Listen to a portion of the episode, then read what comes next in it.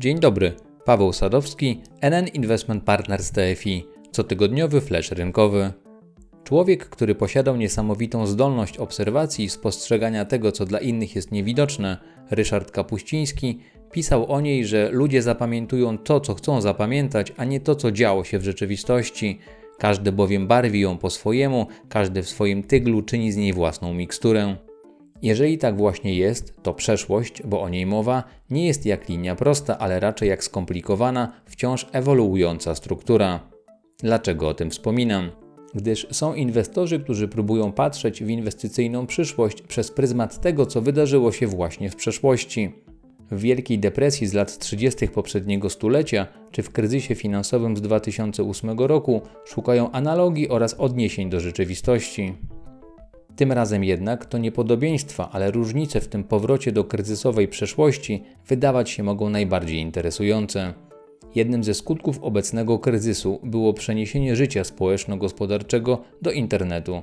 I trudno zakładać, że ten wymuszony sposób szeroko pojętego komunikowania się ze światem nie będzie zyskiwał w przyszłości na znaczeniu. Przy okazji może to być wytłumaczeniem tego, że po ogłoszeniu najgorszych danych z rynku pracy we współczesnej historii USA indeksy giełdowe znów poszły w górę. W kwietniu w największej gospodarce świata ubyło ponad 20 milionów miejsc pracy. Oficjalna stopa bezrobocia wzrosła do prawie 15%. Natomiast zwyżkę wycen amerykańskich akcji napędziły walory pięciu spółek spod szyldu FANG Plus – które stanowią już ponad 20% kapitalizacji całego indeksu SP 500. W ostatnim czasie za wzrost amerykańskich indeksów odpowiada Netflix, Amazon, Apple, Facebook i Alphabet, co przy okazji jest potwierdzeniem dramatycznie niskiej głębokości tamtejszego rynku akcji. Drugą różnicą pomiędzy tym a poprzednimi kryzysami jest poziom stymulacji ze strony banków centralnych i rządów. W ostatnich tygodniach amerykańska giełda otrzymała potężny zastrzyk finansowy ze strony rezerwy federalnej, która wykreowała ponad 2,5 biliona dolarów. Potężne pieniądze płyną również do gospodarki ze strony Departamentu Skarbu. Efektem tego są obserwowane wzrosty cen akcji i obligacji korporacyjnych. Pozostając jeszcze na chwilę przy temacie akcji, to duże zniżki ich wycen zachęciły ostatnio klientów, zarówno w Polsce jak i za granicą, do inwestycji w bardziej ryzykowne produkty. Według wstępnych szacunków to w kwietniu część krajowych funduszy akcji zanotowała napływy netto. Łącznie do tej kategorii mogło wpłynąć około 150 milionów złotych. W zestawieniu z odpływami z poprzednich miesięcy nie jest to jednak duża suma. Tak jak wspominałem w poprzednich komentarzach, to zaufanie zaczęło wracać również na rynek funduszy dłużnych, z których w marcu klienci wypłacili 18 miliardów złotych. Jednak w przypadku tej kategorii produktów sympatia klientów ogranicza się przede wszystkim do tych rozwiązań, które pokazały odporność i przewidywalność wyników w okresie rynkowej zawieruchy, która przetoczyła się w ostatnim miesiącu pierwszego kwartału przez rynki finansowe. Potwierdzeniem tej tezy jest zainteresowanie klientów funduszem NN obligacji, do którego wpłacono w poprzednim miesiącu o prawie 90 milionów złotych więcej niż z niego wypłacono. Przy tej okazji chciałem dodać, że rewelacyjna stopa zwrotu plus 4,34% wypracowana przez NN obligacji od początku roku do 7 maja nie zwalnia nas z obowiązku dalszego poszukiwania zysków z obligacji.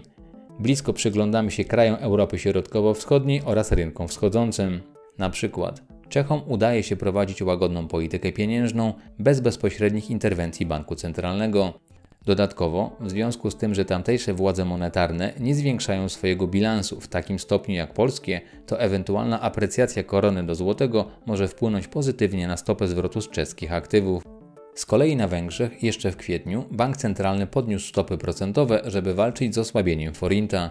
Tamtejsze QE ruszyło dopiero na początku maja, dzięki temu rentowność węgierskich obligacji pozostawała relatywnie wysoka, co zachęcało do inwestycji.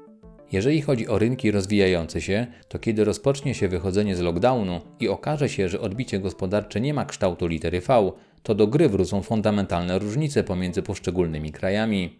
I właśnie te rozbieżności mogą być generatorem szeregu okazji inwestycyjnych, które będziemy starali się wykorzystać. Na koniec, powracając jeszcze na chwilę do rynku akcji oraz do braku podobieństw do poprzednich kryzysów, to warto zwrócić uwagę na fundusze ESG, które skupiają się na zdecydowanie innej niż przeciętna rynkowa strukturze portfeli. Ich podejście do inwestycji koncentruje się na firmach, które myślą o przyszłości i mogą przynieść pozytywną zmianę społeczną. Dzięki czemu ponad połowa funduszy zorientowanych na środowisko, społeczeństwo oraz ład korporacyjny w pierwszych trzech miesiącach roku odnotowała mniejsze spadki niż globalne indeksy rynków rozwiniętych i wschodzących.